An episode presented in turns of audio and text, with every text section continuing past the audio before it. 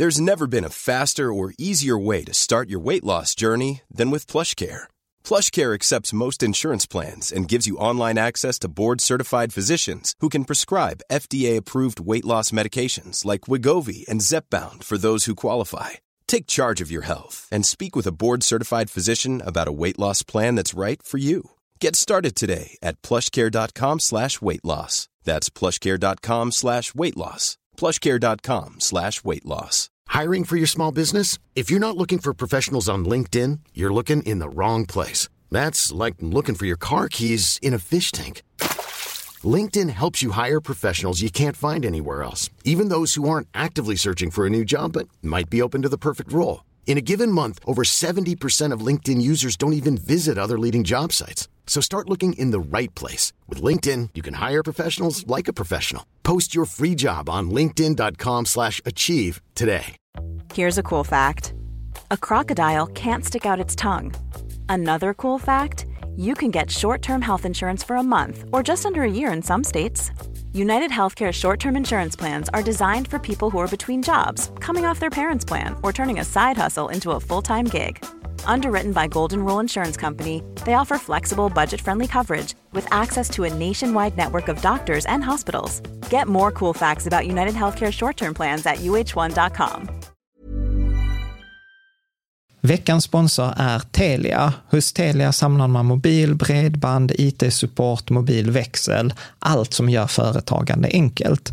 Och det är just det här att samla allt på ett ställe, att ha någon att vända sig till när det inte fungerar, det är Telia. Ett exempel på vad som inte är Telia, det är ju som när jag lyckas boka förmötet för en poddinspelning med Finansinspektionen till efter själva inspelningstillfället.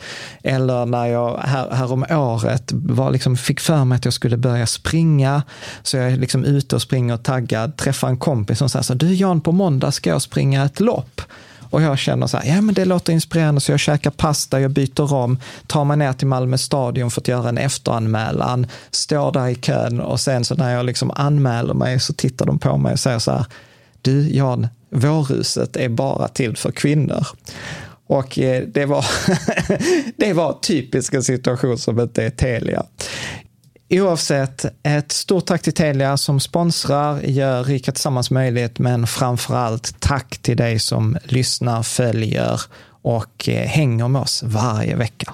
De bästa fonderna är som legobitar man kan bygga ihop bra portföljer med, eller som du Caroline sa det, det är som bra basplagg i en garderob som passar ihop och matchar bra. Du lyssnar på Rika Tillsammans-podden som handlar om allt som är roligt med privatekonomi. I den här podden får du varje vecka ta del av konkreta tips, råd, verktyg och inspiration för att ta ditt sparande och din privatekonomi till nästa nivå på ett enkelt sätt. Vi som gör den här podden heter Jan och Caroline Bolmesson. Idag är det dags för avsnitt 134 och eftersom det är så här nytt år, nytt decennium, det är 3 januari 2020, så är det dags för liksom, kanske årets populäraste avsnitt. Mm. Och vilket är det? Jo, men det handlar om så här bästa fonderna för 2020. Mm. Jag har alltid tyckt det är lite, det, det är lite konstigt. Ja. För nu kommer de här listorna, så, bästa så, det, det, det för 2019 säger vissa. Ja. Och vi säger för 2020. Men Ja. vi har valt då att det är för detta året som kommer här nu. Det är de, fond, det är de fonderna som är bäst. Liksom. Ja, precis. Alltså vi tittar inte så mycket vad som gick, vad var det Vad som, som gick gick bra, bra. förra året. Nej. Det är ju ganska ointressant. Ja. Utan jag tänker så att det som är intressant är att titta på eh, vad är det jag vill ha framgent? Alltså var vill jag lägga mina pengar för Bra det kommande? ja, men för det, för det kommande året eller kanske till och med för det kommande decenniet. Mm. Eh, för jag kan väl redan nu avslöja att listan är väl till över 90 procent samma som den var förra året. Så att Mm. Men det är bara- lite nytt. det är tre nya fonder eh, Ja. av, eh, tror jag, 17 eller 18 Mm. eh, fonder. Så att eh, jag tänker att detta är ett avsnitt som kommer hålla under de kommande 12 månaderna. Och jag tycker alltid det är lite läskigt att göra detta avsnittet. För, Äh. Ja, jo, nej, men jag tycker att det är lite läskigt för att det är nämligen så att här spelar vi in det och sen lägger vi ut detta och sen kan vi inte ändra detta. Medan vi på, på bloggen så kan man alltid säga, gud, ja, men jag gjorde en miss, jag kan gå in och ändra eller korrigera. Ja. Så att eh, detta är verkligen ett sånt avsnitt, vi kommer att prata om det man kan kolla på, på bloggen. Men tanken med syftet med det här avsnittet är ju att ge dig eh, vad ska man säga, ja, men de, bästa ingredienserna eh, för att liksom baka en kaka för det kommande året. Alltså vilka, de, vilka pusselbitar kan man ha i sitt, eh, i sitt sparande? I sin deg, tror Ja. jag du skulle säga. Nej. Blanda metaforerna Jan, gör det så man blir lite förvirrad. Ja, vi- Men nej, okej. Ja, vi kommer, vi kommer att blanda friskt eh, idag. Men det, det vi kommer liksom, det är egentligen ganska fyra stycken distinkta delar i dagens avsnitt som vi kommer att prata om. Att eh, det första vi kommer att prata om är ju så här, okej, så på vilka grunder har vi liksom valt ut de här eh, fonderna? Så Ja. vad, vad är liksom vår strategi, vad är vår investeringsfilosofi? För att lite att gå på andras ekonomiska råd, det är typ som att sätta sig med de personerna i samma bil. Och då kanske man vill veta, liksom så här, vart är den här bilen på väg? Är detta liksom en Formel 1-förare som liksom i perioder kommer köra liksom 250-300 kilometer i timmen? Och liksom Runt, runt, runt. Nej, inte runt, det var inte min poäng, utan Nej. han kör, kör väldigt fort och kan vinna vissa lopp. Men å andra sidan så läste jag någonstans att det är bara i fem av över tusen Formel 1-lopp då alla förarna har kommit i mål som startade. Så att liksom, jag, jag är till exempel inte sugen på att ha fonder som det ena året kan bli vinnarfonder, men sen året efter blev årets förlorarfonder, utan jag vill ju ha fonder Ja. som går bra över tid. Men det kommer också, som vi kommer prata om, ingen av våra fonder kommer någonsin vara den bästa fonden i, i någon objektiv utvärdering det enskilda året. Men över tid kommer vara bra. Så att vi kommer att prata rätt mycket om strategi och filosofi. Hur, hur väljer, hur har vi gjort det här urvalet? Ja. Sen ska jag redan säga nu att eh, det är ju, vi kommer ge vår lista, den är med de bästa fonderna, men den är ju helt och hållet subjektiv. Naturligtvis har vi liksom tittat på massa fakta om det, men det är ju återigen fonder som passar vår investeringsstrategi. Så tittar man med andra experter så kommer de säkert säga så här, nej men du skulle ha haft den här ny teknikfonden eller den här fastighetsfonden. Ja, Ja, då kan det vi- vara så att de inte passar. Exakt, Riktigt. Eh, så att eh, på det sättet. Och sen så också, jag tänkte framförallt i idag, både poddavsnittet och här på videon på YouTube, så kommer jag tänka att vi lägger fokus på kommentarer kring fonderna, berättar lite om dem, som att när jag ska berätta för en kompis, eh, snarare än att berätta, men visste du att sharpkvoten är 1,19 och standardavvikelsen de senaste fem åren Ja, men det gläder mig. 14,7 Det gläder mig att det kommer vara lite mer, eh, vad ska man säga, inte Användar- lättsmält väl, men användarvänlig Ja, information. Ja. Okej. Men för den som vill, så på bloggen så kommer det finnas all den här informationen och mer därtill. The hardcore. The hardcore, så Mm. man kan gå på Bonanza. Och, det, och detta är också liksom så här, detta är en eh, artikel, alltså som sägs, jag tror jag har lagt över 40 timmar, effektivt timmar på att ta fram de här och liksom sammanfatta, för att viss data finns, jag tror jag har använt fyra eller fem olika datakällor för att sätta ihop all fakta. Eh, liksom, så att det är lite sammanställning, aggregerad mm, data. Och sen kanske... finns ingenstans, finns ingen annanstans på nätet. Jo, de finns, men det finns på massa Men inte olika så ställen. aggregerad som Nej, du har ju. förhoppningsvis inte. Nej. Men liksom det ska ju vara... Detta är exklusivt. Ja, ja, jag hade inte dratt det så långt. Men,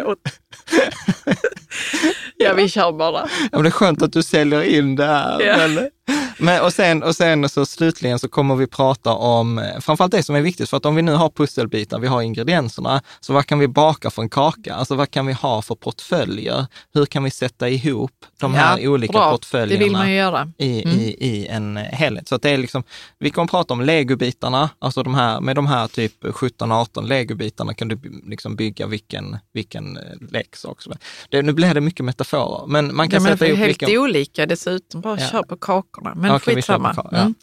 Bra, Man kan bygga i olika portföljer. portföljer. Ja, eller baka olika kakor. Som, som jag var inne på innan, detta är ett sånt här jag verkligen rekommenderar, att även om det är så att du lyssnar på avsnittet eller eh, kollar på YouTube, gå in på eh, bloggen och kolla, för där står, där kommer vara mycket mer information kring den där fakta kring fonderna och jag kommer dessutom att uppdatera den löpande. För att det som jag uppskattar är ju verkligen så att ett för ja, mer än ett decennium sedan, när vi startade bloggen, då var det så här rika tillsammans. Mm. Uh, och detta är verkligen en sån här collaboration med er eh, tittare och lyssnare och följare. För att som förra året så var jag så här, nej men jag har inte hittat någon bra global räntefond. Och då fick jag från Henrik och från massa andra läsare, ja men du kan titta på den här. Så jag tror att det var en fem, sex, sju uppdateringar som kom till följd av liksom input från er andra. Så, ja. att, så att vi hjälps åt, så att det kan vara värt att titta in på den här artikeln. Och då är det riketillsammans.se bästa streck fonderna streck 2020. Men det finns mm. länk i anslutning till i beskrivningen. Eh, och sen är det också så här att detta är ett av våra populäraste avsnitt eh, på bloggen. Så att är det så att du tittar eller för, lyssnar på det här avsnittet som ny, eh, mm. så prenumerera gärna antingen i din poddspelare eller på YouTube. Tryck på prenumerera och tryck gärna även på den här klockikonen. Så får man uppdateringar ja, när, när det kommer nya avsnitt. Ja, för att vi släpper ett nytt avsnitt varje vecka. Varje söndag? Varje söndag, ja. Varje söndag kväll. Och nu har vi faktiskt, vi har gjort 104 veckor i rad. Det är ja. ganska kul. Plus några ytterligare bonusavsnitt. Mm. Så jag tycker det är ganska kul. Men framförallt så skulle jag rekommendera också att gå in på riketillsammans.se nyhetsbrev. Då kan man prenumerera på vårt nyhetsbrev. Det är kostnadsfritt, det kommer ut cirka en gång i månaden och innehåller bloggens bästa tips, artiklar och så. Och dessutom när man anmäler sig så får man våra första välkomstbrev som är liksom så här guldkornen, de bästa tipsen från tio års eh, liksom ekonomipoddande och bloggande. Så att man får liksom lite så här russinen ur kakan och ganska snabba tips. Och man ska inte förakta, jag har flera läsare som mejlat in så här, ah, jag har sparat över tusen kronor i månaden och eh, mm. gjort så. Så att eh, det kan vara värt att göra. Bra. Det sista jag tänker att vi ska göra innan vi kör igång, eh, detta är ju så här typiskt liksom... Eh, Viktiga ansvarsbegränsningar ja, och villkor. Men, ja, men precis. Så, så att det är viktigt att veta, det här avsnittet är inte sponsrat. Det är ingen som har betalt för det här avsnittet. Det är ingen som har sagt, ah, men du vet, om du får, du får här lite kronor så kan vår fond komma med på bästa listan. Mm. It's not gonna happen, eh, har inte hänt. Eh, däremot så är det ju så att vi har sponsrade länkar då till Avanza och Nordnet, där man kan köpa alla de här fonderna och vi har också en sponsrad länk till då två eh, fondrobotar, då Lysa framförallt, som vi använder själva. Mm. Och de har ju varit med i tidigare eh, avsnitt, men det är liksom detta avsnittet är rent. Och det är också så att vi har våra egna pengar i de här fonderna. Och sen är det också då viktigt att säga detta är inte finansiell rådgivning, utan vi presenterar ju ingredienserna Eh, och man liksom bör eh, liksom se det som en allmän information, inte en personlig eh, rådgivning. Och även om vi inte kommer att prata så mycket och fokusera på avkastning, vilka fonder som har gått bra, så är det viktigt att veta att det är liksom att historisk avkastning är ingen garanti för framtida avkastning, utan liksom investeringar då kan både öka och minska i värde. Framförallt de här fonderna och några av dem är faktiskt, har hög risk. Så att mm. det är mm. viktigt att, att, veta det och man kan i värsta fall förlora liksom det kapitalet man har satt in. Men det kommer vi också prata om, för sannolikheten är låg om man gör eh, rätt. Och eh, sen som jag också var inne på, att avsnittet här bygger ju på fondbolagens hemsidor, på Morningstar, på hållbarhetsprofilen, på Avanza, på Nordnet, alltså på hundra, inte hundra, men i alla men fall, på deras information? Ja, som jag har sammanställt. Och jag bedömer den här som tillförlitlig, men jag kan såklart inte garantera information. Och jag har sett faktiskt flera ställen där informationen skiljer sig åt, till exempel mellan Avanza och Morningstar. På samma fond? På samma fond. Varför det? Det är en väldigt bra fråga. Vad är det för typ av information som skiljer ja, men sig? Nyckeltal att det olika nyckeltal, att Avanza Men de säger... räknar ju inte ut nya själv väl? Eh, ja, alltså, men... Måste ju, eller gör de det? Ja, till exempel om vi utgår från då Morningstar-stjärnor som är då ett så här betyg för hur fonden har gått den senaste tiden i förhållande till andra fonder. Då har en fond ibland haft fem stjärnor på Morningstar, bara fyra på Avanza. Mm. Så att, men då har jag alltid utgått från Morningstar för jag tycker att de verkar Därför har man liksom ingen förklaring heller till varför det skiljer sig, alltså, utan Nej. det är bara att ja, precis. Eh, det. Ja. Men eh, så att eh, det är också viktigt så att eh, man, man så här, jag har gjort mitt bästa, jag bedömer, jag själv investerar på denna faktan som vi presenterar. Sen får man ju själv eh, liksom alltid vara ansvarig för det man gör. Mm. Eh, bra, mer info om detta finns på riketsammans.se villkor. Eh, bra. Mm. bra. Om vi då tittar på, ett, innan vi går in på fonderna, så vad, hur ser vår bil ut? Att om man liksom, hur ser vår investeringsstrategi ut? Ja. Och eh, av en händelse så råkade vi göra ett avsnitt om investeringsstrategier för två veckor sedan, ja. vilket kanske inte var så mycket händelse utan kanske planering inför dagens avsnitt. Men kommer du ihåg då att vi hade två frågor? Vi sa så att det finns två frågor som bestämmer Jag glömmer alla... aldrig de frågorna. Nu vet jag inte om du menar allvar eller om du skämtar Nej, jag, jag har glömt lite. Men det är så här, eh, utan att titta här. I, Jo, du får titta. Kan jag eh, förutsäga marknadens rörelser? Kan man fråga sig själv. Ja, precis. Och, eh, så att ja eller nej, kan jag förutsäga hur marknaden kommer gå imorgon? Och den, an, och den andra frågan är, kan jag hitta felvärderade bolag? Alltså kan Ja. jag hitta felvärderade investeringar? Och då kan man svara på de här på fyra olika sätt. Eh, Alltså det är fyra kombinationer. Ja, Mm. precis. Och detta pratar vi om i avsnitt 131. Eh, Mm. Så man, kan, man får väldigt gärna gå tillbaka i, i det. Men Men om vi bara går in på detta nu. Vad, vad, Vi har ju olika personligheter, eller vad man säger, som svarar på de här frågorna på Eh, olika sätt. Exakt, och så, Mm. och så leder de svaren till olika strategier. Så till exempel om jag, om jag är en person som kan förutsäga marknadens rörelser och jag kan dessutom hitta felvärderade bolag. Undervärderade investeringar. Ja, Mm. Precis. Då, då, är, då svarar jag ja, ja. Och, Ja. Då, och då, är man ju liksom, då, då kallar vi det för gurun. Den ekonomiska gurun, den Ja. som har, alltid har rätt. Liksom. Eller till och med kan liksom förutspå hur allting ska gå. Eller? Ja, jag ska inte säga alltid. Men och rätt. guru är ju en sån som bara så, man, man är i nuet så man vet hur det ska gå, man vet hur det Ja, har gått. ja, ja, jag har ju så, vissa wow, åsikter wow. om att det inte, de inte finns. Nej. Men det pratar vi om som sagt i 131, att då är det lite så här self-delusion eh, på de flesta. Men i alla fall. Så det är gurun. Eh, Mm. och, och eh, sen så har, kan man ju svara så att nej, men jag kan inte förutsäga marknadens rörelser, men jag kan hitta felvärderade bolag. Ja. Och- Och då är man analytikern. Ja, och här hittar man ju de flesta fondförvaltare. Till exempel de säger så här, nej men jag kan inte förutse hur marknaden kommer gå, men jag kan liksom, om jag tittar på ett bolag som kanske på 12, 24 eller 36 månaders sikt så är detta felvärderat. Det borde vara mer värt. Och där är ju till exempel, vi har ju pratat med då till exempel Coeli, som vi hade här som gäst, Andreas och Henrik, där de till exempel gjorde en sån här analys och var så här, bolaget är felvärderat. Men Alltså mark- det är värt mycket mer än vad, det, vad aktien så de kostar. till och med, precis, så de Mm. ring, till och med ringer till vdn så här, du, har vi räknat fel här? Är det någonting vi... Han bara, nej, jag kan inte heller fatta varför marknaden värderar vårt bolag så här. Och Mm. då köpte de och sen några, liksom, en tid senare så upptäckte marknaden att det var felvärderat och det Och då- liksom korrigerades priset. Mm. Eh, Aktien blev värd mer. ja, precis. Nu har jag lärt mig att de gör något som heter fundamental analys. Är det inte så? Ja, Ja. precis. Så de kollar Så- Mm. på fundamentala faktorer, så så här, intjäning, omsättningstillväxt etc. Jag personligen har en åsikt om att det inte går eftersom man inte kan göra en bättre analys än marknadens aktörer, framför allt inte som eh, småsparare. Och sen det tredje alternativet är då marknadstradern, det vill säga en person som säger jag kan förutsäga marknadens rörelser, men jag kan inte hitta undervärderade bolag. Mm. Och då använder de psykologiska faktorer. Ja, men nu verkar börsen gå ner, småspararna är rädda, ja men då tror vi att detta kommer gå ner. Och jag tror inte heller, det finns ingen force, eh, liksom finns inte särskilt mycket bevis för att det funkar i längden att försöka tajma marknaden. Tvärtom sa Nobelpristagaren Daniel Kahneman att den genomsnittliga investeraren förlor, underpresterar då mot, får en sämre avkastning än vad han eller hon hade behövt få. Och det beror till stor del på grund av marknadstiming. Mm. Så att till slut kommer vi till då det som vi kallar för nej, nej. Jag kan inte hitta felvärderade bolag och jag kan inte förutsäga marknadens rörelser.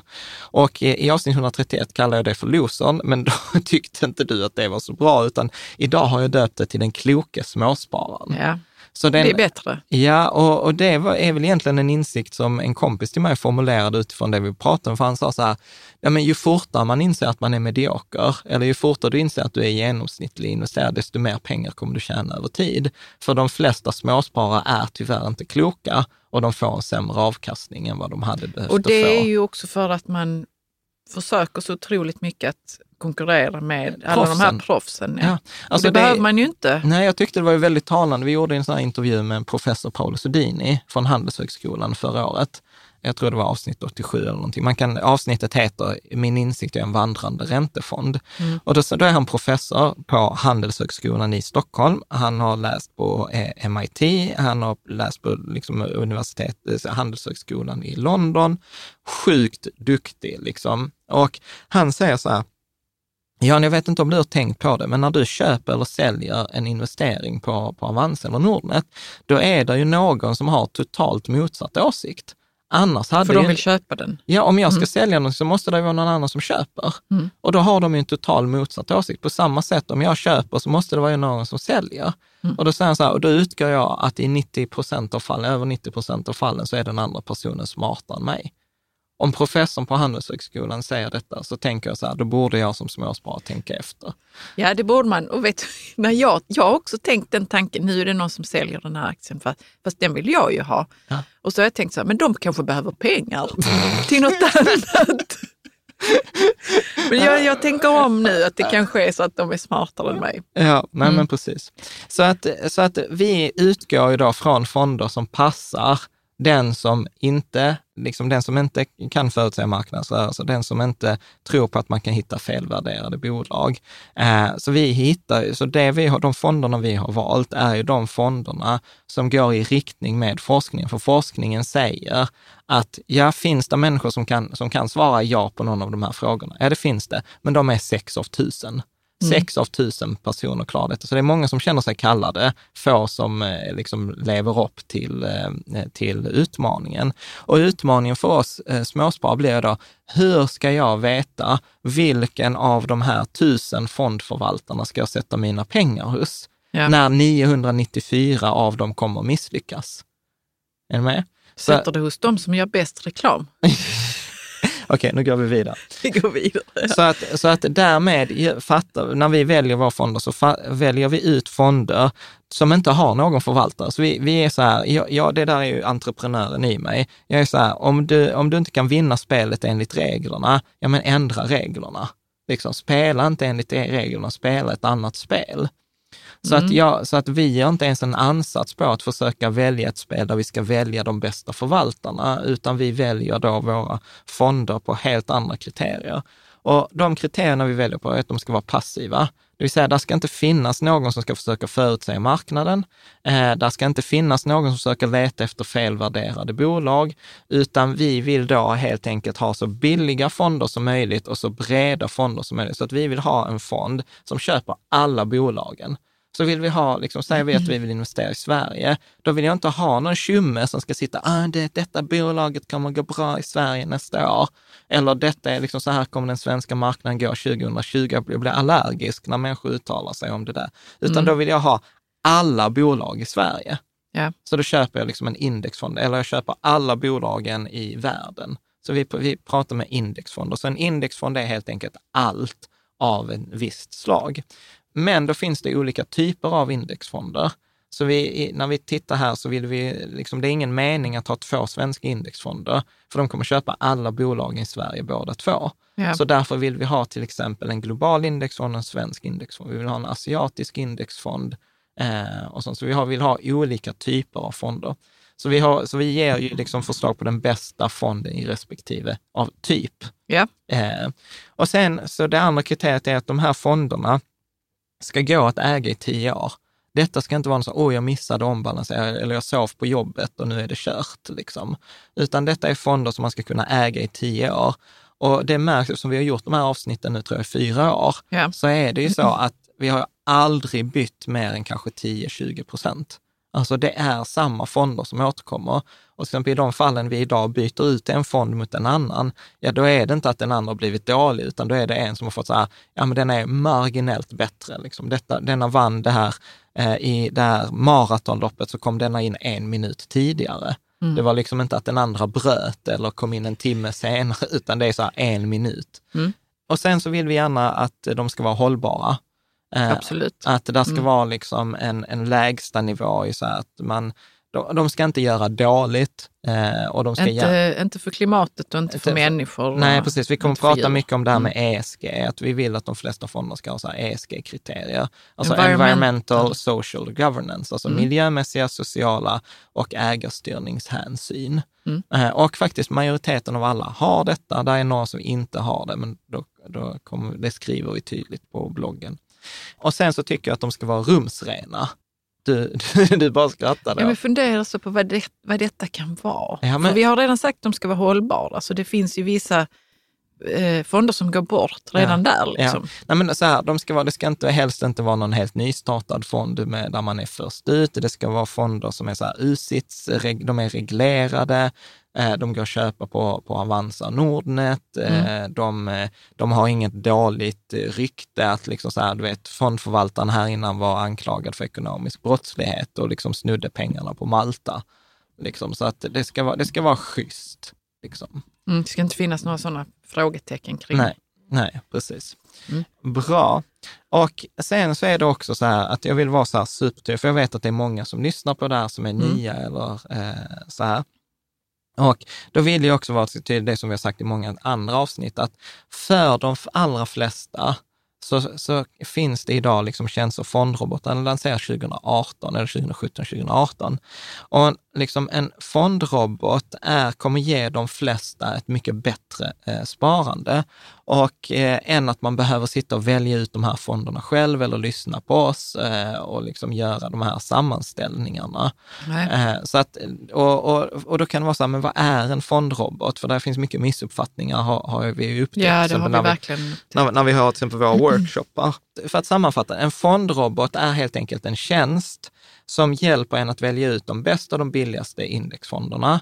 Den hjälper dig att kombinera ihop dem i linje med det forskningen säger. För det är inte bara att köpa en indexfond och sen är man färdig, utan man behöver kombinera, för de är olika. Och fondroboten hjälper en också balansera risken, som vi kommer att prata om mycket här med aktier och räntor. Den hjälper en att månadsspara och den hjälper en att hålla den här fördelningen mellan de olika eh, fonderna. Ja, Och, för den förändras ju över tid ju. precis. Och så den hjälper en att också välja om man vill ha ett hållbart eller ett brett sparande. Så Ja. i princip allt det som vi pratar om i detta avsnittet, eh, liksom som vi nu har lagt 40 timmar på att göra manuellt, det kan man göra med ett par klick eh, med en fondrobot. Och, och har man inte det där superstora intresset, utan bara vill ha det liksom ett schysst, ett bra sparande, eh, då är faktiskt fondrobot, det sparar en sjukt mycket eh, tid. Så då kan man egentligen bara så här, eh, ja, vi gillar ju Lysa till exempel, det är ju den fondroboten vi använder. Och då får man till exempel gärna använda vår sponsrade länk, går in på Lysa, klickar sig igenom det och så är det färdigt. Än med, man behöver Ja, inte alls eh, göra det här jobbet. Och detta var ju liksom en, en sån fråga, eller så här, detta var lite mentalt jobbigt för mig för ett tag sedan. För då sa jag, ja men lönt att fortsätta med bloggen när det finns en eh, fondrobot. Eh, men då finns det faktiskt eh, situationer då man inte kan välja en fondrobot eller så, eller att man tycker att det, är- det är liksom kul. Lönt att fortsätta med bloggen nu när det finns. Jo, men, det är många som inte vet vad, att man kan välja en Ja, fondrobot. Eller, och- det är här, vi är här för er. Ja, men precis. Mm. Och vi har majoriteten, alltså vi har mer än 50 procent av våra pengar i en fondrobot idag. Mm. För att vi, vi har gjort de jämförelserna i andra avsnitt, eh, där vi har liksom tittat och jämfört det här och insett så här, nej men vi kan inte göra det billigare, vi kan inte göra det bättre, så det är lika bra att outsourca det till den här eh, fondroboten, för då slipper man ombalansering, man, man slipper välja ut fonderna, man kan liksom fokusera på andra saker som kanske är viktigare. Bra. Så, eh, så de sista två grejerna som vi ska ta innan vi går in på själva, Själva listan av- listan med fonderna, eh, det är ju då att även då om man använder våra fonder eller man använder en fondrobot, så är det två grejer som är viktiga. Det första är att undvika det vanligaste misstaget som jag upplever att folk gör. Och det är när man tittar, när man zoomar ut och tittar på ett helikopterperspektiv på hela deras sparande, på alla deras pengar, så har man fel risk.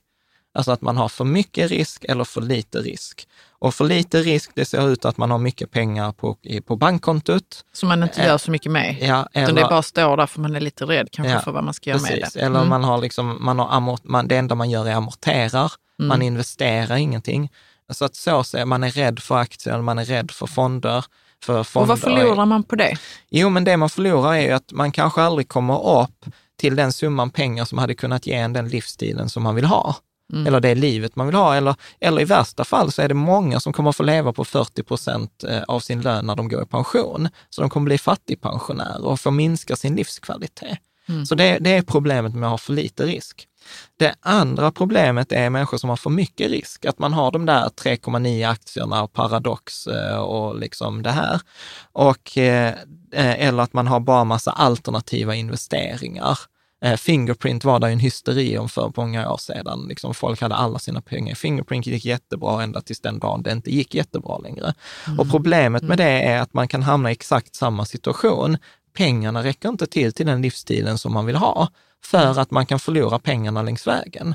Och jag tänker på detta liksom som, som i golf ibland. Ja, det spelar ingen roll att du har haft liksom eh, 13 fantastiska slag på de senaste hålen om du sabbar det på det femtonde, liksom att du sabbar liksom när du är, står på green och liksom du får inte ner den där bollen.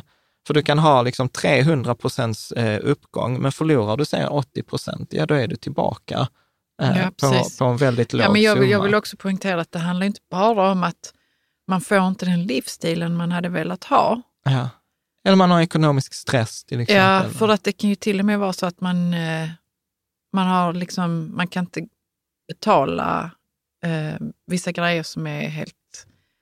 Som, att- som att gå till vårdcentralen Ja, liksom, när man är fattig jag, jag har varit med... Alltså, eller tandläkaren. Ja, ja. Jag har varit med... Det hade varit sån mardröm för mig. Ja, men jag har träffat, vi- jag har träffat människor som har liksom haft eh, så lite pengar så att de har liksom inte prioriterat att hämta ut receptbelagda läkemedel på Mm. apoteket.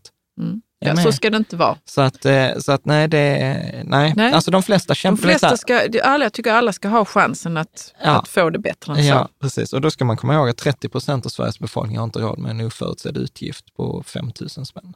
Mm. Alltså så att det är så.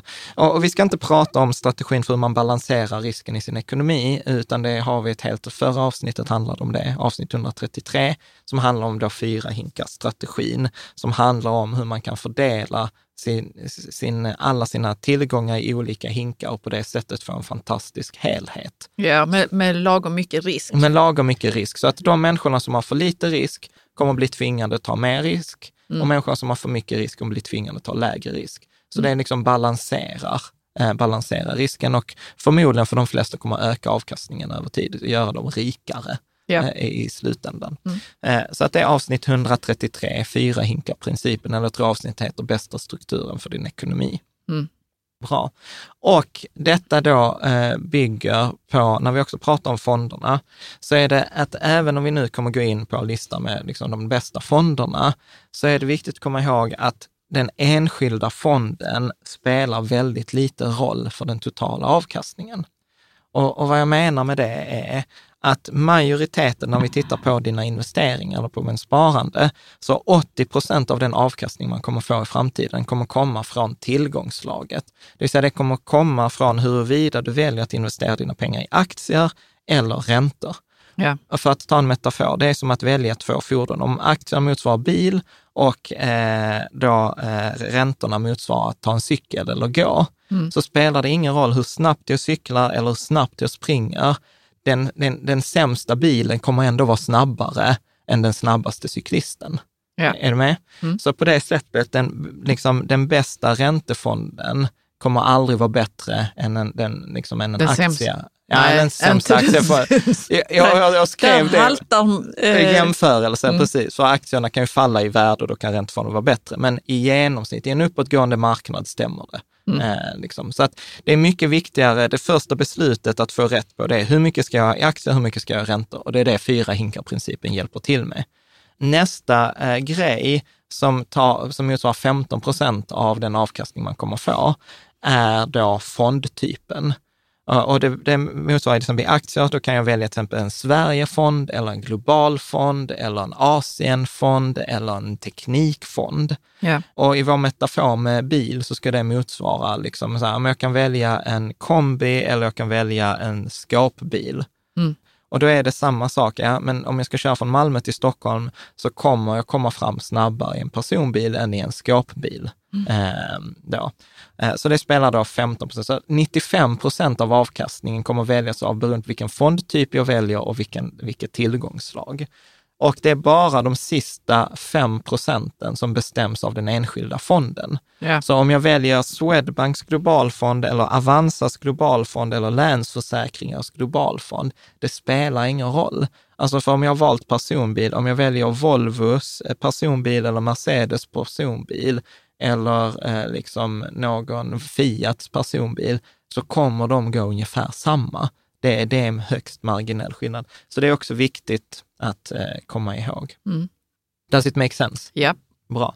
Så, så att då har vi liksom tittat på, så vi kommer att titta i, i den här listan så består den både då av aktier och räntor, kommer vi prata om och vi kommer faktiskt prata även om eh, övriga, eh, då, till exempel guldfonder. Mm. Så att den första fondtypen som vi kommer prata om, den fondtypen som är viktigast, är då globalfonder.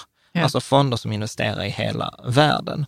Det man också man behöver vara medveten om är att globalfonderna är inte så globala som man kan tro. Och den här, eh, du kan ju beskriva den här bilden som också ligger ja, på bloggen. vad, vad ser jag här egentligen? det är alltså en Eh. världskarta i förhållande till börsernas storlek.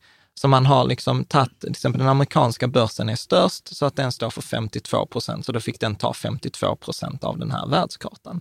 Och då kan man säga så att en globalfond investerar mer än 50 procent eh, av sina pengar i USA, investerar 1 procent i Sverige, 6 procent i Storbritannien. Ja, det är lite demokratiskt på något vis. Eller vad ska man säga? Inte demokratiskt, Nej, men det är demokratiskt, lite... då hade det ju varit lika för Nej, men alla, vänta, så är vänta, det ju nej, inte. men det, det är ju inte så ens i demokrati. Nej, Nej. nej, det var bara fel. Ja.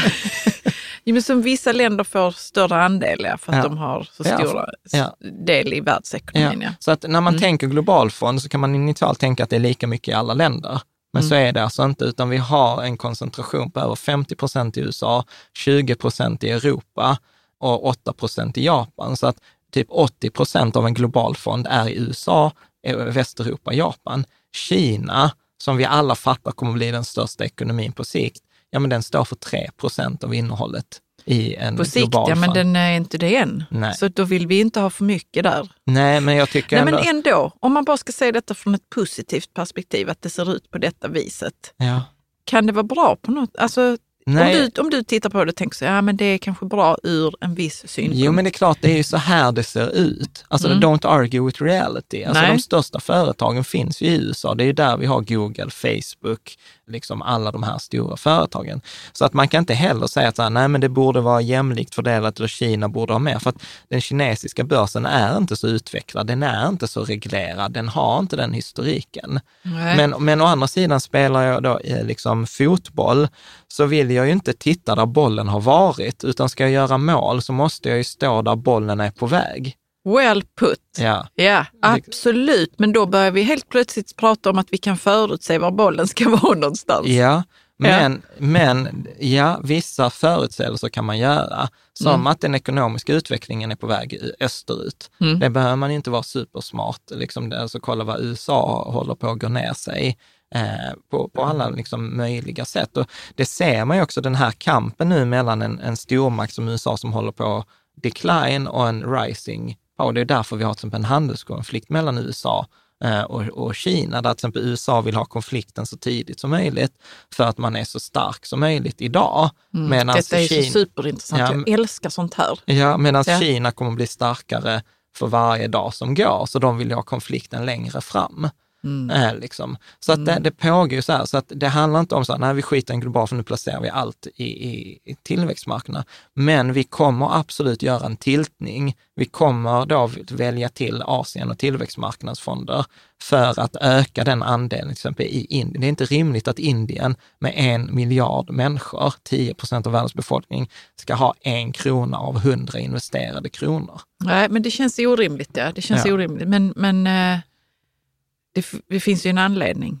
Ja, ja. Än så länge. För det är så det ser ut idag. Mm. Och, och sen är det också så att här, de som gör de här indexen, MSCI, som Ja, jag företag som precis gör de här. eh, om inte de kan liksom jobba lite hårdare på. Jo, jo, men så finns det också, Ja. där finns ju massa intressen i det där också. Så att, så att nej men jag, jag tycker det, det, det är så här, poängen här, jag vet att när man placerar pengar i en globalfond, då hamnar liksom fem av tio kronor i USA. Bra. Så att eh, detta var liksom så här viktigt, en sån här grej, eh, visste du att. Mm. Eh, och sen så kommer det också vara så här, på bloggen, så för varje, för nu ska vi gå in på fonderna. På varje fond så har vi massor av eh, information. Vi har avgiften, jämförelseindex, hur många bolag det är, vilken riskskala det är, den här 1 till 7-skalan som vi pratade om också i förra avsnittet, så att man vet var passar fonderna in. Vi, har prat, vi pratar om belåningsvärde, hur mycket kan man låna med denna som säkerhet? Hur många sparare finns på Avanza som har den? Hur mycket pengar förvaltar den? Hur har den gått det senaste året? Vad är liksom sharpkvoten? Eh, och sen länkar vi också då till fondens hemsida, till Morningstar, till Avanza, till Nordnet, till senaste rapporten som fonden har släppt Ja. eh, och allt det där. Så att det finns för varje eh, fond på, på bloggen, så att bara klicka på länken i beskrivningen. Så att vi kommer inte gå igenom det, för då hade vi suttit här liksom imorgon Mm. också och listat alla de här eh, grejerna. Bra. Så att eh, så här 40 minuter in är det Mm. dags för... Har vi sopat rent nu så att vi kan liksom ställa fram Ja, listan? ja, det tycker Mm. jag. Men tycker du att vi har sopat fram? Ja, ja. Ja, Mm. ja jag upplever det. Men jag säger, det är viktigt att, att liksom veta förutsättningarna, liksom, tänker jag. Mm. Så, så, den, Vad börjar vi med nu då? så vi börjar med de bästa globala eh, aktieindexfonderna. Mm. Och jag tänker att vi börjar med eh, då min favoritfond. Och så den är Länsförsäkringar Global Indexnära. Så det är Mm. samma vinnare som eh, förra året och skulle jag egentligen bara fått välja en enda fond att ha mina pengar i, så hade jag valt den här Länsförsäkringar. Men varför? Jo, men för att den är billig. Eh, Den är, jag tror bara... Vad kostar det att noll- köpa den? 0,22. Eh, Mm. Så du betalar 22 öre per hundralapp Mm. eh, att för ha- allt du sett. för, du, för, för pengarna i Mm. den här.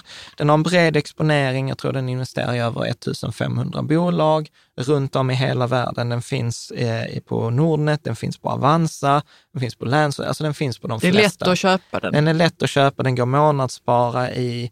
Eh, Kan man sätta sin pension i den också? Ja, Mm. oftast. Eh, Sen är det ju så att, återigen, eh, som vi sa innan, att själva fonden gör bara 5% av det totala resultatet. Så här finns ju massor av bra alternativ till den här. Till exempel Swedbank Robur Access Global, DNB Global Index, SPP. Alltså det finns många sådana här bra globalfonder också. Men detta är liksom basen eh, i, i, i sparandet. Skulle man bara fått välja en enda fond, då är det, då är Vi har det ju den. pratat någon gång tidigare om varför den heter indexnära. Jo, just det, bra att du säger det. Jo, för att den följer då den här MSCI globalindexet.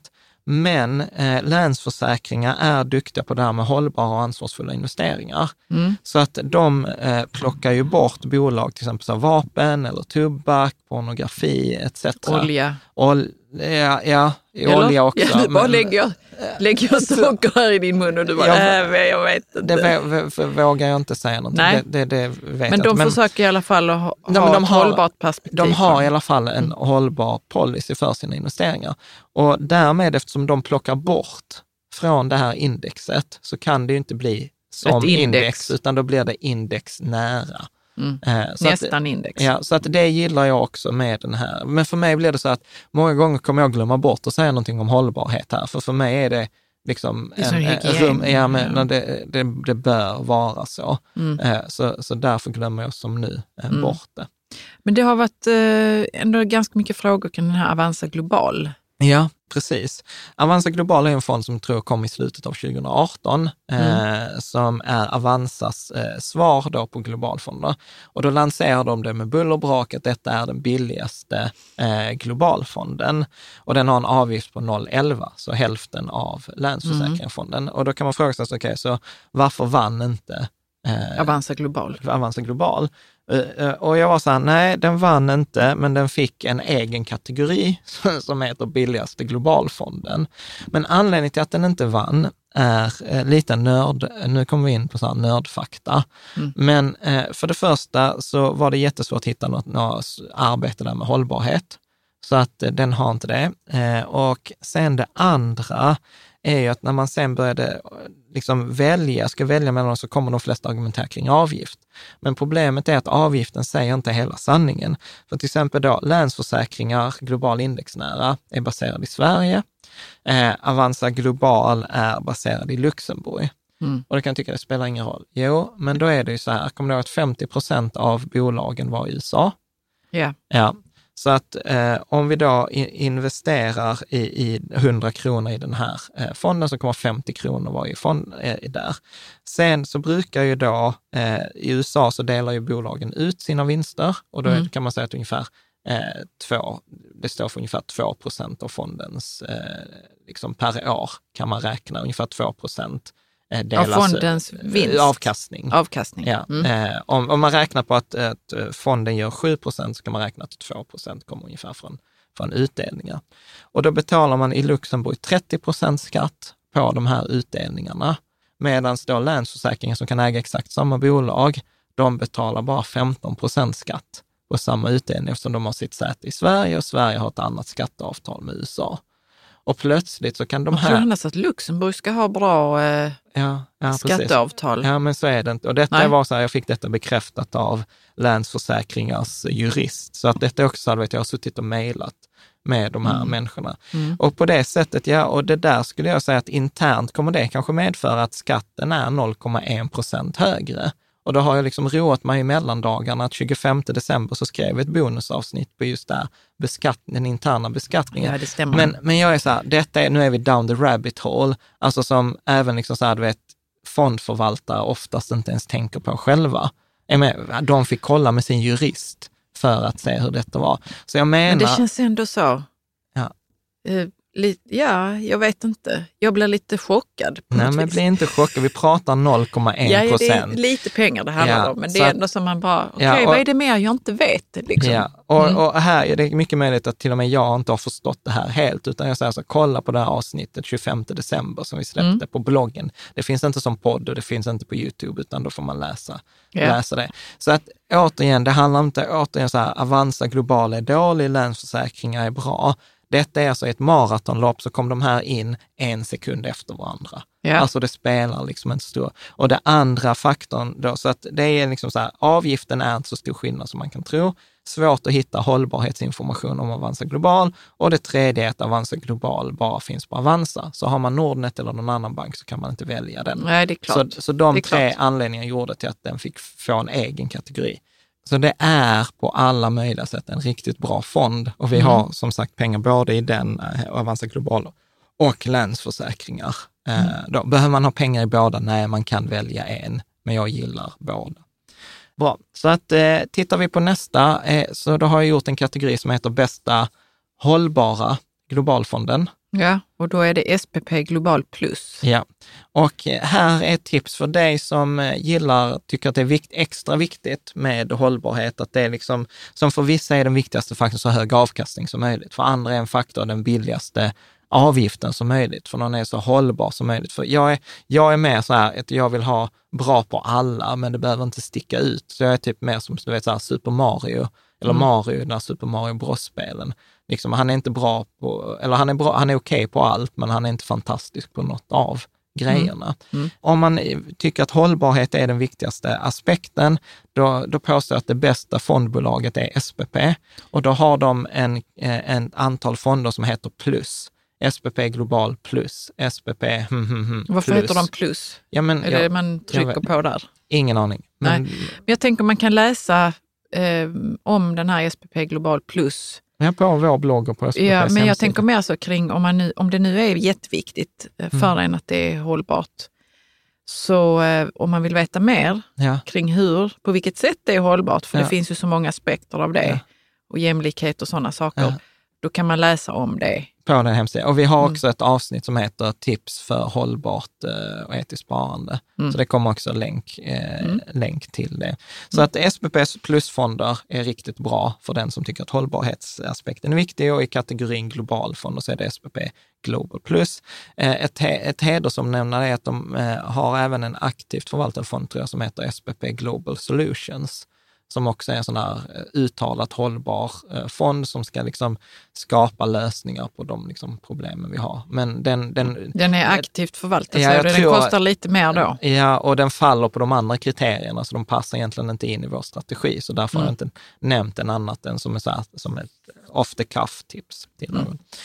Ett annat problem med de här globalfonderna, eh, förutom att de inte investerar jämlikt i hela världen, det är att de bara investerar i de största bolagen. Så de investerar inte i då medelstora eller små bolag. Så att Och vad är det, problemet med det? Det är ju... att du inte får en exponering mot alla bolag Mm. eh, i hela världen. Och eh, så därför tycker jag att man ska komplettera med det. Och det är också för att forskningen visar att över tid så tenderar små bolag prestera bättre än stora bolag, för det är mer tillväxtpotential i de små Ja. bolag, men det är också en högre risk. Och då tycker jag att den bästa globala småbolagsfonden är eh, Handelsbanken Global Småbolag. Mm. Där. Vad- Kan man bara köpa den på Handelsbanken? Eller Nej, den funkar. Alla de här går Mm. att köpa både på Avanza och Nordnet, då, förutom Avanza Global, som Mm. bara går att köpa på, på Avanza. Så att det, det är väl den dyraste fonden. Här gör vi ett avsteg. Normalt sett så har vi en regel som är så här max 0,4 procent i avgift. Jag tror denna kostar 0,7. Mm. Men det finns inget bättre sätt, eh, något enkelt sätt att få den här exponeringen mot de globala småbolagen. Mm.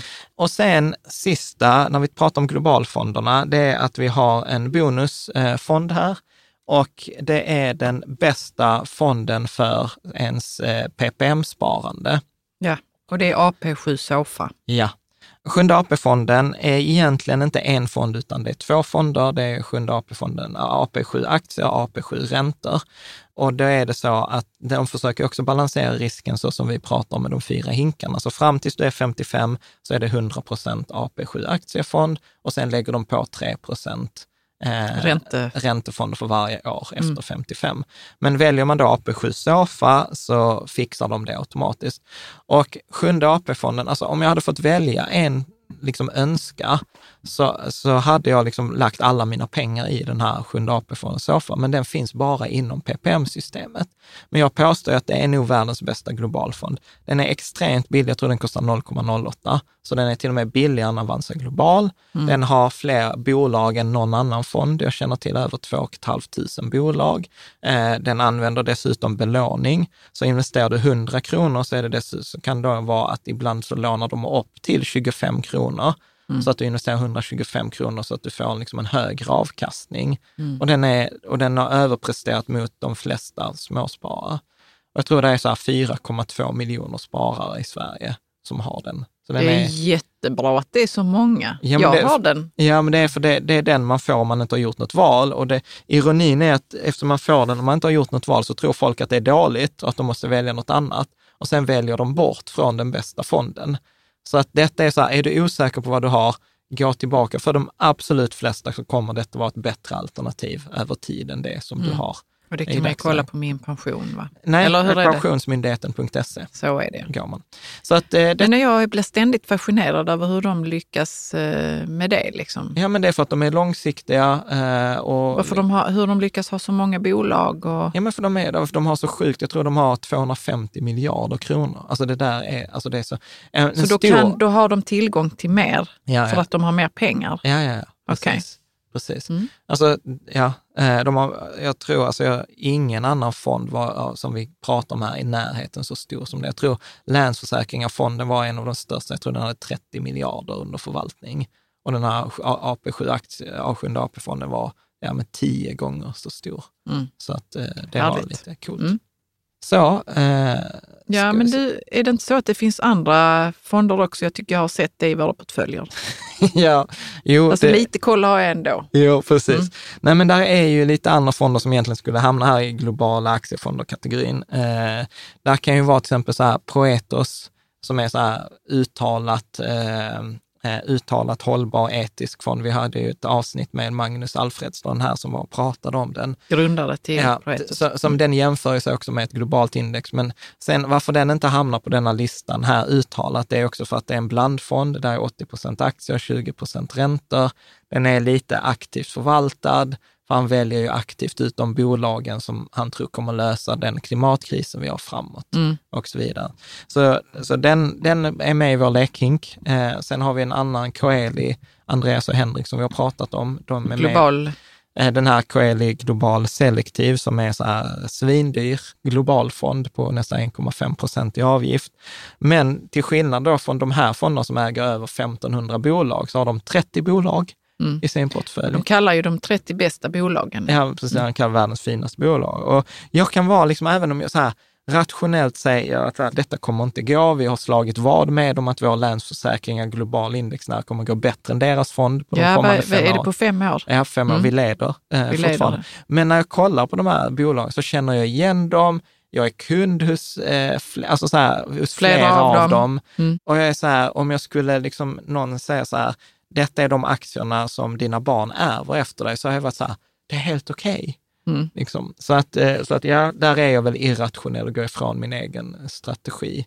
Eh, så Men vi har dem i eh, vår lekhink. Ja, lekhinken. så att det är väl eh, de, och sen har vi en annan eh, Cavalier, SEF Cavalier investmentbolag, som också är en sån här global, investerar i svenska och utländska eh, investmentbolag och konglomerat som till exempel, alltså företag som äger en massa andra företag eller företag som äger en massa andra varumärken som till exempel Louis Vuitton, den här LVH, MH eller H&M eller vad den heter. Ja, något lyxkonglomerat. Ja, ja mm. precis. Så att det är väl de tre undantagen eh, som skulle passa in så här globalt. Tänk att nu när kineserna börjar bli rika så är det bra att vi har ja. lyxkonglomerat. Ja, precis. Ja, se. Nej, men så att om jag ska anyway. sammanfatta, de, de bästa globalfonderna enligt vår lista, Länsförsäkringar Global Indexnära, Avanza Global, SPP Global Plus om man gillar hållbarheten, eh, Handelsbanken Global Småbolag och sen i PPM AP7 Sofa. Och då kan man säga här att då kan man välja antingen Länsförsäkringen Global eller Avanza Global mm. eller SPP Global. De tre identiska. Men sen kan man komplettera med den här Handelsbanken. Så att Handelsbanken Global Småbolag är mm. en komplementfond. Ja, för de det är inte samma som i de andra. Nej, för det är inte samma kategori, medan de andra tre är samma. Det är bara lite olika inriktning. Den ena är billigast, den andra är mest hållbar och den eh, Länsförsäkringar är mest allround. Mm. Förståeligt? Yes. Bra. Om vi ska ta och titta på de övriga eh, mm. indexfonderna. Vad har vi här nu då? Jo, eh, vi har den eh, bästa Asienfonden. Ja, Swedbank Robur Access Asien. Ja, och den hänger lite ihop med den bästa tillväxtmarknadsfonden, mm. som är då Avanza Emerging eh, Markets. Och, och den det, är ny här? Ja, detta är den första fonden som är ny mm. hittills eh, på listan. Och detta är då fonder som investerar majoriteten av sina pengar då i Asien och tillväxtmarknader som Indien, Brasilien, Thailand, Sydkorea, alltså andra mm. marknader. Mm. Ska man bara välja en av dem så rekommenderar jag då Tillväxtmarknadsfonden. Och här är det så att Avanza Emerging Markets är en ny fond som jag tror kom under 2019 och den är billig, jag tror den kostar typ 0,29 och den andra näst bästa är Länsförsäkringars tillväxtmarknadsfond. Så det finns en okay. fond som heter Länsförsäkringar tillväxtmarknad indexnära. Men den tror jag är dubbelt, så det är 0,5 procent. Och där var diffen så stor att jag måste säga att Avanza-fonden är bättre. Ja. Men problemet samma, vi har samma problem här som vi hade innan. Avanza-fonden, svårt att hitta hållbar information, hållbarhetsinformation och den finns bara på Avanza. Så kör man på Länsförsäkringar så får man köra, eller kör man på Nordnet så får man köra Länsförsäkringar, tillväxtmarknad, eh, indexnära. Mm. Eh, två riktigt bra fonder annars. Eh, bra. Men kan man fråga, så, vad, vad går de över tid egentligen, de här fonderna?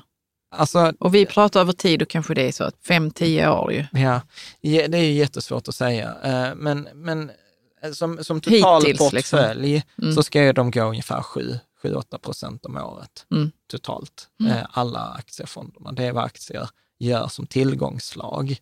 Sen, sen slår det ju bara, alltså, det ger ju, alltså, som vi var inne på innan, tillgångslaget ger ju 80 procent av avkastningen. Ja. Sen är det bara 20 procent som ges av fondtypen av den enskilda fonden. Mm, så det är inte så stor skillnad nej, mellan dem? Nej, nej, nej. Utan det är bara att vi vill ha så bred exponering som möjligt. Mm. Eh, sen pratar man ju om att bor man i Sverige så ska vi ändå ha en övervikt mot Sverige. Vi ska inte ha en procent som det är på den globala marknaden, men vi ska inte heller ha mer kanske max 20. Så i spannet 0 till 20 så tycker jag att man ska ha Sverige. Och här är också så här, forskningen inte helt entydig. Vissa säger så här att du bör ha 20, optimalt 20 procent, för det är i de det är i svenska kronor du kommer ha dina utgifter, det är på den svenska marknaden du bor, det är på den svenska ekonomin du relaterar till etc. Medan andra säger så, ja fast du har ju redan din löneinkomst i svenska kronor, du har ditt boende i svenska kronor. Mm. Så att eh, det finns inget rätt svar. Jag tycker att man ska ha, jag tror att i portföljen har lagt mellan 10 och 15 procent eh, i Sverige. Mm. Och då tycker jag att eh, den bästa svenska fonden är då SEB Sverige Indexfond. Mm. Eh, och anledningen till det är för att det är den bredaste svenska indexfonden. Jag tror att den har 340 bolag. Eh, det finns andra svenska index som Avanza Zero till exempel, eller Nordnet Superfonden Sverige som är gratis, så att avgiften är mycket, mycket lägre. Men då investerar de bara i 30 bolag eller 80 bolag, de tar inte med småbolagen etc. Mm. Utan jag gillar denna för att denna tar med typ alla. Och sen alltid när man pratar om Stockholmsbörsen, i 2018 så gick Stockholmsbörsen så, ja då är det som att ha den här fonden. Yeah. Eh, så därför gillar jag den också. Och där blir också, på det vi ska prata om i nästa veckas avsnitt, hur gick det? Så är det ju så att eh, om man tittar på Avanza, alltså de senaste 11 åren har eh, Avanzas, hade Avanzas sparare fått bättre avkastning om de bara hade köpt den här fonden än om de hade ägt det de hade ägt själva. Den här SEB Sverige. Indexfond, ja. För den följer det så kallade 6RX-indexet, Mm. som är liksom det mest schyssta att jämföra med i Sverige. Mm. Där kompletterande eh, fond har vi eh, och det är då Spiltan Aktiefond Investmentbolag. Svår- Varför är den kompletterande? För att denna har varit så sjukt bra de senaste åren att det går liksom inte att... Det går inte ignorera Den den. går inte ignorera. Men hur, vad är sjukt bra då? Ja, men den har gått, jag tror två eller tre, tittar man på en 20-årsperspektiv så har den gjort dubbelt så bra eller mer än dubbelt så bra som den där indexet. Mm. Eh, Så att där är det att man äger de här svenska familjen, Investor eh, från Wallenberg-familjen och. Lundberg-familjen Mm. så ja, och, de här. Problemet varför jag inte sätter den som bästa Sverigefond är att eh, om det vore så att investmentbolag vore the shit, då borde ju tyska investmentbolag vara mycket bättre än tyska börsen. Amerikanska investmentbolag borde vara mycket bättre än amerikanska börsen, men så är det inte. Det är bara i Sverige de investmentbolagen är bättre än resterande bolag. Varför man blir förbryllad? Ja, Varför jag- är det så? Tror du? Nej, men jag tror att det handlar om att de svenska investmentbolagen egentligen eh, är en annan typ av fonder. Det är egentligen private equity i mångt och mycket. De har investerat i onoterade bolag. Eh, de har, har använt hävstång. Eh, de har eh, utvecklat andra bolag Mm. Eh, etc. Så att de har jobbat lite annorlunda. Och till exempel i USA så har man inte ofta inte de här bolagen på börsen, utan de finns utanför börsen. Och tittar man då på att börsen ska göra 7-8 procent så brukar man prata om att private equity-bolag ska göra ungefär 14-15 procent. Och det är vad de svenska bolagen har gjort. Svenska investmentbolagen har gjort. Så att jag är så här att den är med i alla våra portföljer, men jag vågar inte sätta alla mina pengar i den, utan jag, skulle jag behöva välja mellan SEB Sverige indexfond och Spiltan aktier, jag fick bara ha en, så skulle jag säga att SEB-fonden är mer balanserad. Jag vet mer än vad jag får, medan den här Spiltan-fonden kan gå mycket bättre, men den kan också gå sämre. Mm. Eh, Så, så skulle jag säga. Ja, jag är lite fascinerad av att det, att det var på det viset att Ja. investmentbolag i andra länder inte går lika bra som Mm. svenska. Mm. Och det är då för att det inte sköts på samma sätt. Alltså Ja, att man ja. jobbar inte på samma sätt Nej, jag med tror inte det. Jag vet inte, jag har inget bra eh, svar. Jag har försökt diska ut detta för att investmentbolag är sjukt populära. Men är det ingen som har gjort en analys av detta? Det måste ju vara Ja, jag har inte- jätteintressant för någon att Ja, gräva i detta. jag har inte hittat. Jag har inte hittat. Nej, jag har inte hittat någonting. Kanske någon läsare eller följare vet. Mm. Eh, bra. Mm. Precis som det globala index är det underprestation mot småbolag i Mm. de här, så då kan man komplettera då med en småbolagsfond. Eh, och där tycker jag då till exempel att plus småbolag Sverige index är den bästa Ja. svenska Vad är det här småbolagsfonden. plus? Det heter fondbolaget. Ja, Så det finns Handelsbanken eller Länsförsäkringar, så det heter Plus, det är fondbolaget. Mm. Bra, så om vi ska ta den sista, nu, ska vi, nu lämnar vi aktier. Så detta var de bästa aktiefonderna. Så nu ska vi prata om de bästa räntefonderna. Och eh, den bästa korta räntefonden, där, och där ska jag också säga så att det här rekommenderar jag avsnitt 64, eh, som går Som igenom om om ränte. räntefonder. För att räntefonder är på mångt och mycket det mest missförstådda tillgångsslaget. Det är ointuitivt, eh, för till exempel när räntan går upp, då faller räntefonderna i värde. När räntan går ner, då ökar de i värde. Det är inte det man tror spontant. Nej. Eh, Det är dessutom så att de bästa aktiefonder som har högst avkastning, de investerar i de bästa bolagen. De räntefonderna som har högst avkastning, de investerar i de sämsta bolagen, vilket är ointuitivt men ganska logiskt. För om du och jag har en kompis som ska låna pengar, så kommer vi vilja ha högst ränta av den som vi litar minst på. Eller den som alltid betalar tillbaka kan få låna pengarna räntefritt. Medan den där tjommen som aldrig betalar tillbaka kommer vi vilja ha en hög ränta för. Mm. Så, så, och, och sen är det många som säger så här, ja men räntefond, varför ska man ha räntefond? De ger ju ingen avkastning. Men då är jag också på, nej men syftet med räntefonderna är ju inte att de ska tjäna pengar, utan de ska ju bevara de pengarna som vi tjänar på de andra fonderna, på aktiefonderna. Så att jag tycker att de har ett syfte, ett eh, existensberättigande i form av att balansera balansera sparandet. Och där, om vi ska ta de bästa räntefonderna, så då tycker jag att den bästa korta räntefonden, det är Spiltan Räntefond Sverige. Mm. Det är liksom basen, eh, liksom om man ska ha den, liksom, den största krockkudden. Och då skiljer man ju på korta och långa eh, räntefonder, där korta räntefonder är lite tryggare, de har riskklass 1 av ja. den här skalan 1 till 7. Och sen så finns det då fonder med lite högre risk som ger lite högre avkastning, så kallade långa räntefonder. Och den bästa långa räntefonden är då den som heter AMF Räntefond Lång. Precis samma fonder som vi hade eh, förra, förra året. Den har riskklass 2 Eh, om jag av inte, sju? Av sju, ja. ja. Eh, precis. Eh, så att då har man liksom, så detta är det första, korta och långa räntefonder. Och de här är både i svenska bolag eh, och svenska statspapper lånar de ut. Så att de mm. lånar ut till svenska börsnoterade bolag, svenska fastighetsbolag, till bankerna, till oss eh, privatpersoner i form av eh, att de lånar ut till bankerna som lånar ut bostadslån. Mm. Så det är trygga säkra liksom, papper. Om vi sen börjar då titta på räntefonder med lite högre risk, de som till ja. exempel lånar ut till företag och lånar ut till eh, för eh, länder utomlands, då har vi liksom den bästa globala statsräntefonden, mm. eh, som då AMF Räntefond Mix, som lånar ut till Frankrike, till Tyskland, till USA, till Storbritannien och till Sverige. Så den mm. lånar ut liksom till länder. Ja. Också ganska säkert, men liksom en lite högre eh, risk. Eh, och sen finns det ju fonder då som lånar ut till företagen, i Sverige, men utomlands. Och då är det då SPP Global Företagsobligation Plus. Eh, och detta är en ny fond, så mm. detta är en av de nya i år. Och här ska jag vara helt ärlig, jag tycker detta, alltså räntefonder är klurigt. Jag kommer ihåg att förr så tyckte jag så här med räntefond, det är ju bara att köpa en räntefond, alla räntefonder är lika och så är aktierna det som är svårt. Idag är så här, aktier är skitlätt jämfört med räntor. Eh, för att till och med kategoriseringarna är olika beroende på vem du tittar hos. Tittar du på Morningstar så kan en fond vara klassad på ett sätt och tittar du på Avanza så är den klassad på ett helt annat sätt. Så här är mycket möjligt att jag har missat eller eh, sånt, så att någon som är sjukt insatt i räntefonder får gärna i så fall kommentera.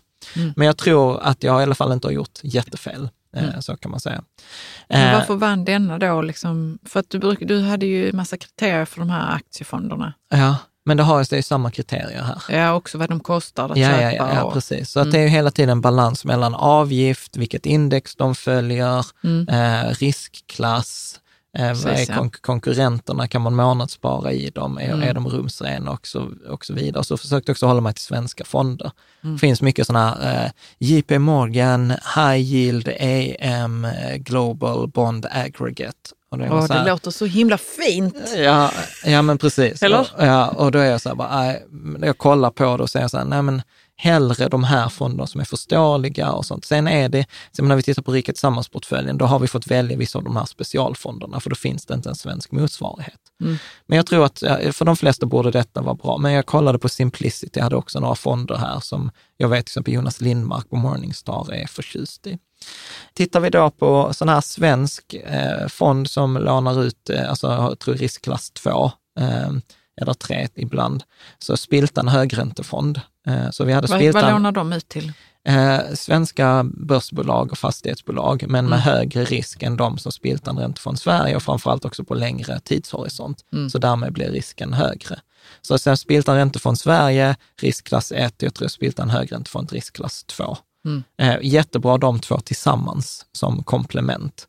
Om man vill ha den bästa hållbara eh, räntefonden, återigen, det är inte som att Spiltan eh, skiter i hållbarhet. Tvärtom så skrev de uttryckligen om det i sina senaste halvårsrapporter, att det är så här, vi har efterfrågat gröna obligationer, det är kul att de är dubbelt så många detta året än vad de var föregående året.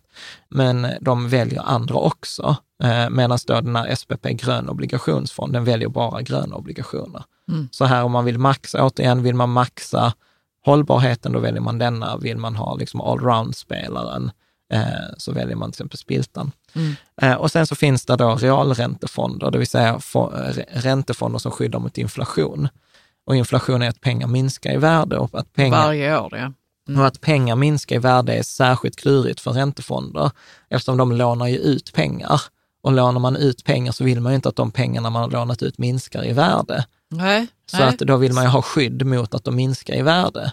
Och då har man så kallade inflationsskyddade räntefonder. Och det här är en sån då? Detta är en sån, och där, då kallas det att man har en real ränta.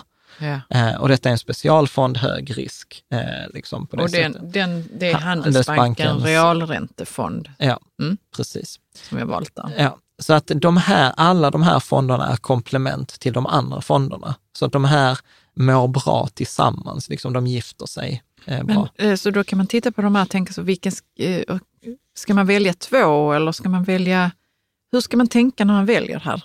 Eh, Du sa att eh, Spiltan räntefond trivdes bra tillsammans med Spiltan högräntefond. Ja, ut- utan här får man ju titta på portföljkonstruktionen. Mm. Ja, och hur mycket, har jag till exempel att jag kan fördela 40 procent räntor, ja men då kan jag faktiskt välja nästan allihop. Ja. Eh, Har jag bara 10 procents ränta, ja men då kanske jag bara väljer eh, Spiltan Räntefond Sverige och AMF Räntefond Lång. Mm. Så det beror på lite mängden pengar jag har. Okej. Så att har jag mycket pengar att jag kan fördela det i många fonder, ja men välj många fonder. Dock behöver man ju vara medveten till exempel att den här eh, SPP grön obligationsfond är liksom ersätter kanske någon av de andra. Medan Spiltan Räntefond Kort Sverige och Spiltan Högräntefond är två fonder som kompletterar olika. Ja. som Mm. kompletterar varandra. Så, till, ja, eh, Mm. så till exempel SPP grön obligationsfond ersätter AMF räntefond lång. Mm. Så jag får liksom ingen bonus på att ha de två. Men allt detta hur kan ger man vi veta vilka förslag. som eh, ersätter varandra? Är det att man bara tittar på innehållet i dem? Nej, men det är att denna har hållbar. Att du, liksom, det är Mm. det hållbarheten här som, som Ja, så viktigt. de är nästan samma? Ja. En, en fond som vi hade med förra året som jag inte har med här, det är också en sån här aktivt förvaltad fond som jag gillar, IKC avkastningsfond, Mm. eh, som är så här aktivt förvaltad, en ganska dyr eh, fond. Men ja, den har ju varit väldigt bra i väldigt många år, så jag tycker egentligen den borde vara tillsammans med SPP, Global Företagsobligationsfond, så är det IKC avkastningsfond. Eh, Men vi kommer ju i portföljförslagen, alltså det är därför vi har modellportföljer, där man kan Ja. se både fördelningen mellan de olika typerna och räntefonderna. Så, så de slutliga två fonderna som vi har Ja. kvar. Eh, och- Bästa övriga fonderna? Ja, och eh, detta är nog den fonden som jag har haft som har gjort mig mest glad detta året. Vilken är det då? Jo, det är den bästa guldfonden eh, och detta är en gammal eh, favorit som har gjort comeback. Och det, den heter Extra Guld eller Extra Gold med kortnamnet 4GLD. Eh, och då kan man veta så här, när, eh, kortnamn, det är ofta på börshandlade fonder, så det är fonder som man köper som en aktie, men det är en fond. Så man köper den på, på börsen när börsen är öppen. Eh, Eh, Och då har de nästan alltid ett personnummer eh, eller ett kortnamn, så då kan man leta på de här kortnamnen. Men varför denna är, detta är en favorit eh, var för att denna kunde man köpa för ett par år sedan, men sen så kom den nya lagstiftningen Mifid som vi pratade om förra året och då kunde man inte köpa den, eh, för då var de tvungna att skriva nya dokument och sånt och nu har denna fonden gjort det, så nu är den tillbaka. Men tyvärr kan man bara köpa den hos Nordnet för att Avanza har någon konstig grej där man inte kan köpa utländska börshandlade fonder. Men i alla fall, varför jag gillar denna, eh, och den- den får mig så glad, är så här, de har en fantastisk hemsida för den här fonden. Och så är det så att en andel i den fonden motsvarar ett gram guld. Så tusen, an- har jag tusen andelar i denna fonden så har jag tusen gram guld. Ja, det är lättfattligt. Det är lättfattligt och dessutom så är det som ball grej som att man kan åka till Frankfurt eller begära få detta guldet hemskickat. I och för sig är det svindyrt och jag Har rekommenderar du ringt inte... dem och frågat vad, vad kostar det att få mitt guld Ja, hemskickat? jag kollade faktiskt upp det. Men, men, Vad sa de då? då? Nej, men det finns, jag har länkat till en prislista eh, som jag har fått. Men, Och skickar de det då med DHL eller Ja, något sånt? typ. Ja. Eh, Men, men det är så här, och, och vi har pratat mycket om guld i avsnitt 51, i avsnitt 68 etc. Att guld har en plats i alla portföljer som en försäkring. Men då vill man ju ha riktigt guld. Du vill inte ha sån här pappersguld där du inte vet om du äger guldet eller om det är riktigt guld eller om det bara är en skuldsedel på guld. Nej. Men detta är as real as it gets, liksom. Eh, ja. Och Ja, varför blev vi så glada ja, över jag detta? vet inte. Men jag, Vi jag, gillar guld. ja, vi gillar Alla guld. gillar väl guld? Ja, På så, något vis. så att jag blev glad här. Så extra 4G. Eh, några problem med denna fonden. Eh, går bara att köpa hos Nordnet, eh, var vi inne på. Den går inte månadsspara i, man måste fylla i sån här kunskapstest för att få handla den, men det är värt att göra det där. Om det är så att man är kund på Avanza så finns det ingen bra guldfond. Eh, på Nej. Avanza, eh, utan det bästa är det som heter guldava. Och då är det så här pappersguld. Det följer guldutvecklingen, men det liksom, om det kommer så här liksom kris och, och, och verkligen allt skulle gå åt helvete, då kan, då kan man inte vara lika trygg som man kan vara i den här fonden. För de här har ju faktiskt de facto guldet i sina valv. Mm, Liksom. Så att, eh, men jag skriver detta också på bloggen och i modellportföljerna så ger jag båda exempel. Så jag tror det är guldava. In, ingen hävstång, ingenting ska, ska det vara, för där finns massa alternativ då eh, på, på Avanza. Jag måste säga en sak om guld och Ja. diamanter och andra råvaror och sånt där. Ja. Det är att jag har börjat intressera mig för hur man utvinner liksom, Ja, de här och hur, hur processen går till när man Ja. renar guldet och du Ja. vet sådana saker. it's ain't pretty. It ain't pretty. Nej, eh, det Och fin- samma med diamanter. Jag har ju ingen diamantring. nej, Och det är för det är liksom, it ain't pretty. nej, Men det, jag tror att det kommer komma absolut. eh, Men det- bättre, ja. och, och bättre Jag alternativ vet, på hur alltså- man får fram det och på vilket sätt man ersätter liksom, ja. Problemet, människor som jobbar i, med Ja. diamantgruvor. Problemet är att det här med hållbarhet, det är inte lika utvecklat i alla områden. Nej, det är det Men jag inte. vet ju att de här inte. London Bullion eh, Market Association, eller vad det heter, LBMA, jag vet ju att de jobbar med de här frågorna, så att det är Mm. inte katastrof. Men tittar man på vissa sådana här liksom, utbrytning i Kongo och sånt, så Ja. är det ju inte det är Nej, inte men jag, jag skulle bara säga att det pågår. Ja, ja, Ja, för jag intresserar mig lite för sånt här. Ja. Mm. Ja, precis. Bra, så att eh, det är Guldfonden och, och sen eh, då ibland så finns där eh, tankar, eller att man ibland vill ha mer råvaror än bara guld, till exempel koppar och silver och massa andra sådana saker. Mm. Eh, då finns det Handelsbanken råvarufond eh, Ja. eh, som är sådär. Men där är också naturgas och olja och sånt, så jag är inte jätteglad för den här. Det är väldigt sällan jag har den i portföljen, men Mm. i, i, jag tror jag har den typ i, i en av många, men det är väldigt lite. Ja. Så att, eh, men det är bra att veta så här, bästa råvarufonden. Så detta är fonderna. Mm. Och vi ska nu börja runda av, eh, men jag tänkte att vi skulle bara ge några snabba förslag på hur man kan kombinera ihop dem. ja, men jättebra. Och här har jag faktiskt eh, citerat dig för att... Eh, Det är alltid en chock. ja, nej, men... För Eh, nu kommer det någonting som jag inte vet vad jag kan stå för. Som jag har sagt på någon middag eller något sånt. ja, men du sa, du sa himla klok grej. Du sa så här, ah, bra fonder är som bra basplagg i en garderob. De går alltid att matcha med varandra för att passa alla i olika tillfällen. Ja, Kan du stå för det? jag kan stå för det. Eh, och det är väl egentligen det, detta som är grejen. Att, eh, då har vi kombinerat ihop alla de här fonderna och alla de här strategierna i det som vi kallar för nybörjarportföljen. Mm. Och nybörjarportföljen är en, egentligen bygger på en klassisk 60 procent aktier, 40 procent räntor. Eh, portfölj. Vi, vi har gjort ett helt eget avsnitt om den avsnitt 89 eh, och där kommer en uppdatering, så jag tänker inte gå ner i denna i detalj. Men eh, i, i, i korthet så kommer vi nu för 2020 göra en liten förändring i den. Att den kommer då bestå av 30 procent globala aktiefonder, till exempel Länsförsäkringarfonden eller Avanza Global. Den kommer bestå av 10 procent svenska aktier och 10 procent Asien tillväxtmarknad. eh, Fonder. Så då plockar man bara, liksom, ja men jag tar den bästa globalfonden, jag tar den bästa Sverigefonden eh, och tar de här två indexfonderna för Asien och tillväxtmarknaderna 5 procent var. Det är så det funkar, så detta är liksom ramen där man kan placera ut de här olika legobitarna. På räntefonderna, 10 procent korta räntefonder, 10 procent globala räntor, 10 procent långa räntor, 10 procent högräntor. Ja. Så att återigen, keep it simple och sen har vi 10 procent guld. Så att detta blir en de facto 50 procent aktier, 40 procent räntor, 10 procent guld. Portfölj. Så vi har faktiskt höjt andelen guld från 5 till 10 procent från förra året. Och anledningen till det är att man ska inte förutsäga marknaden, men vi, jag har ju en tro på att jag hellre tar safe än, än sorry för de kommande tio åren. Tittar man på Svenska Riksbanken, de har 9 procent av sin portfölj i guld. Den klassiska rekommendationen är mellan 5 och 10 procent guld, så att jag Ja. tror att det är inte, jag tror inte att det är Det är inte dåligt. fel. Det är inte fel. Mm. Eh, Så. Vill man inte ha guldet så bara skippar man det, Ja. helt enkelt. Eh, Så det är nybörjarportföljen, avsnitt 89. Eh, Om man Man vill... behöver inte vara nybörjare för den.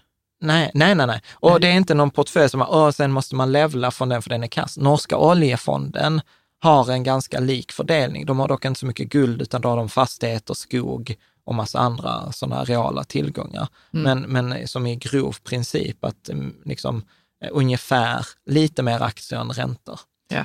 Vill man ha, eh, och detta går ju också att köra på, på, som på fondroboten, att ställa in 60 procent aktier och 40 procent räntor. Du får inget guld, för de kör inte guld, men då kan man ju köpa det separat på Nordnet.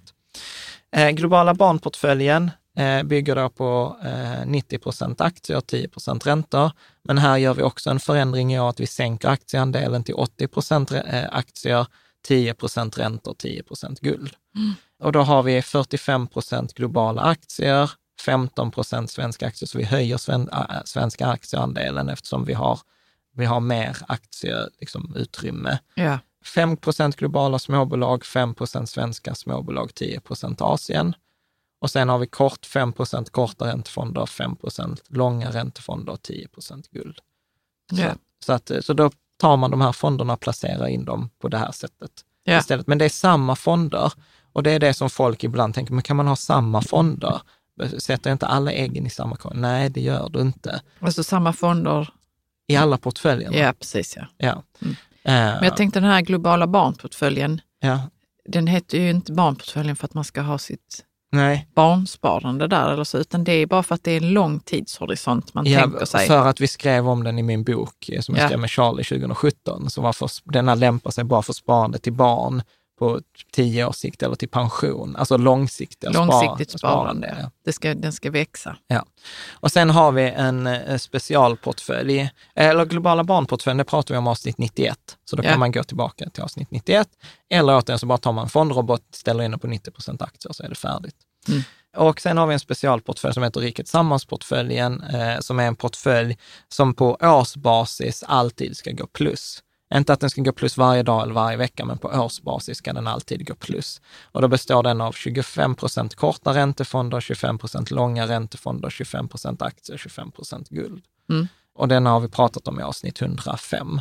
Så att det är liksom olika sätt hur man kan kombinera ihop de här fonderna till riktigt, riktigt bra portföljer Mm. som, är, som är riktigt bra. Men som, som sagt, detta är ganska avancerat, detta vi har pratat om och där för de flesta så är det ju mycket bättre med att använda den här fondroboten. Och det är svårt att göra det billigare själv. Vi har gjort en, den 25 december eh, så skrev vi en bonusartikel på bloggen där vi just gick igenom det här. Men kan, hur är den billigaste portföljen man kan göra själv? Ja. Är det lönsamt? Är det så mycket bättre än, en fond, fondrobot. fondrobot? Mm.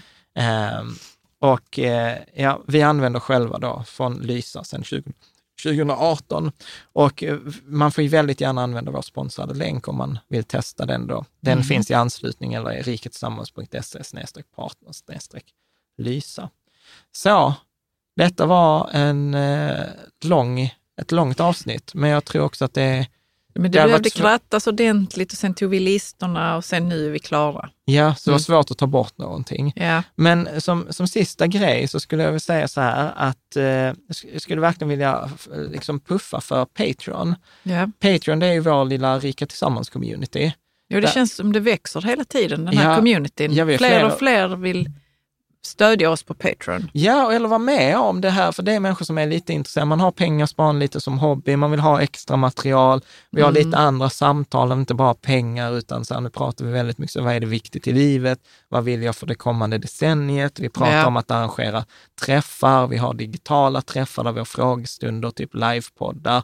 Jag försöker också ge ut förhandsinfo där som inte kommer ut och tips som inte kommer på bloggen. Så att det är inte så mycket liksom stödjus, utan det är så mycket mer att så här, men vara en del av den här communityn. Och du väljer själv din engagemangsnivå, hur länge du vill, på vilken nivå du vill vara med på, liksom etc. Så patreon.com rika tillsammans. Ja. Och sen de kommande avsnitten kan jag säga någonting, för det kommer mycket frågor. Det är att det kommer, kommer nästa avsnitt bli så här, så här gick portföljerna 2019. Mm. Eh, sen kommer vi göra den här ombalanseringen. Så hur Ja. flyttar man pengarna mellan fonder? Hur, för aktier gick ju jättebra under 2019. Ja, så då har liksom aktiedelen i många portföljer vuxit och tagit över lite. ja, så då Så man måste balansera. ja, eller hämta hem vinsterna Mm. och liksom så här, sälj dyrt och köp billigt. Nu är det dags att sälja dyrt och köpa andra saker som är billigt. Mm. Eh, och sen också lite så här tankar om det kommande året eller kommande decenniet. Så att prenumerera gärna för att inte missa något av de här eh, avsnitten. Och eh, så återstår väl egentligen bara att säga så här, tack så mycket. Tack.